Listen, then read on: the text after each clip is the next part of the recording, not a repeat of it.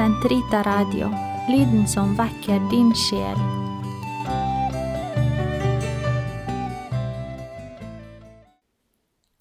Den katolske kirkes katekisme, uke 24, tirsdag, paragraf 386 til 395.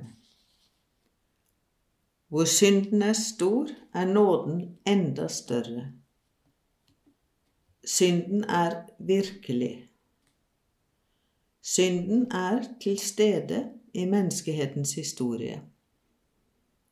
Det ville være lettsindig å forsøke å se bort fra dette, eller å kalle denne dunkle virkelighet noe annet.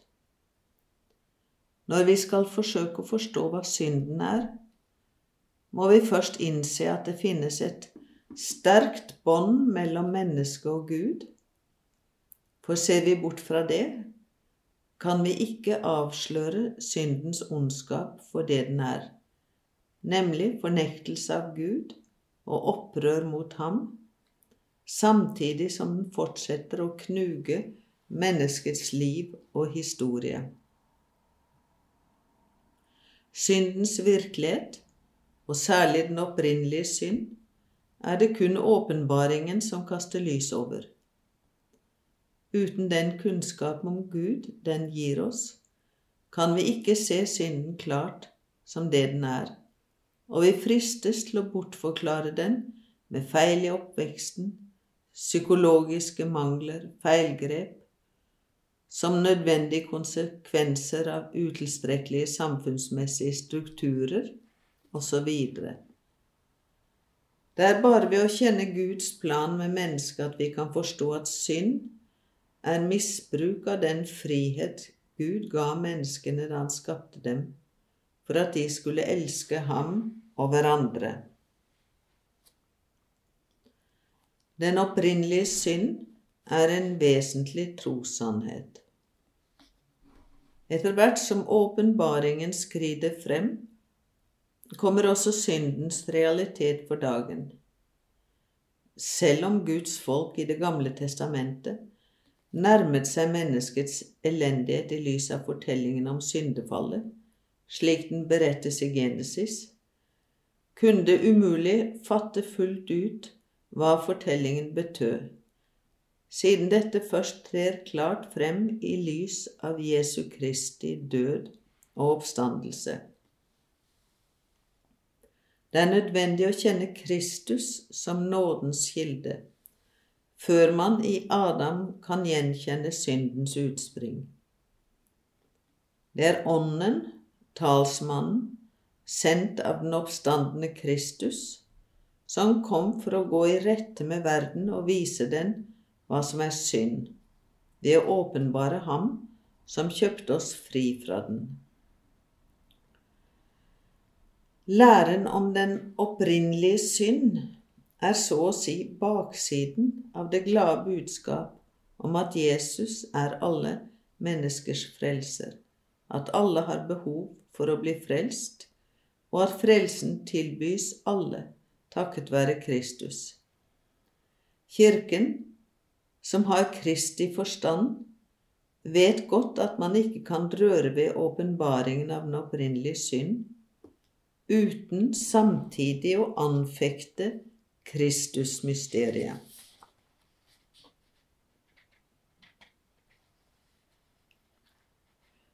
Hvordan fortellingen om syndefallet skal leses.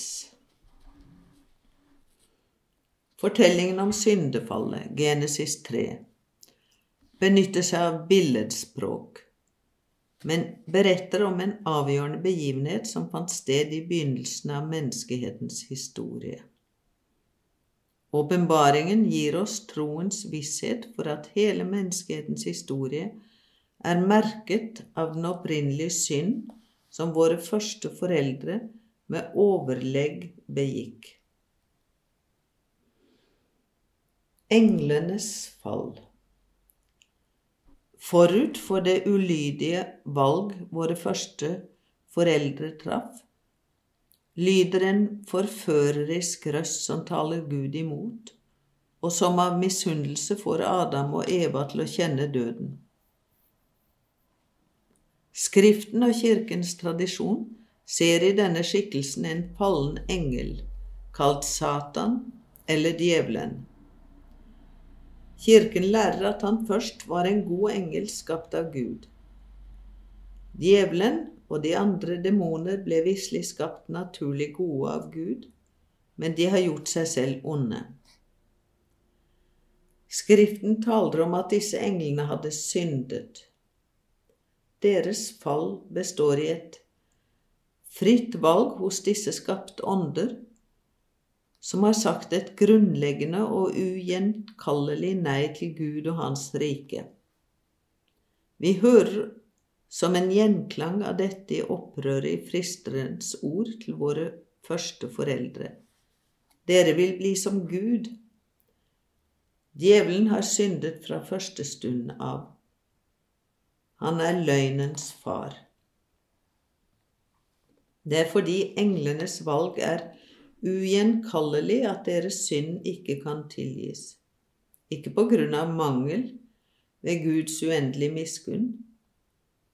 Det finnes ingen anger for dem etter fallet, like lite som det finnes anger for mennesket etter døden. Skriften vitner om ond innflytelse fra ham Jesus sier har vært morder fra begynnelsen av. Han forsøkte til og med å få Jesus bort fra det oppdrag han hadde fått fra sin far. Guds sønn trådte frem i verden for å ødelegge djevelens verk. Det mest skjebnesvangre av disse verk var at han ved løgn forførte mennesket slik at det ble ulydig mot Gud. Satans makt er imidlertid ikke ubegrenset. Han er bare en skapning, mektig riktignok fordi han er rent ånd, men dog en skapning, og han kan ikke forhindre at Guds rike bygges opp.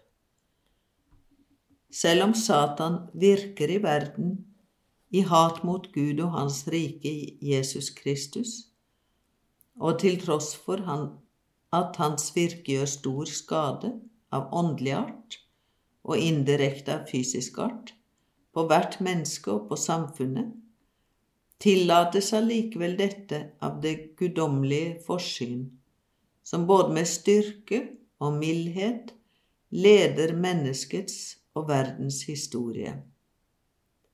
Dette at Gud tillater djevelen å virke, er et stort mysterium, men vi vet at Gud i alle ting er med å virke til det beste for dem som elsker ham.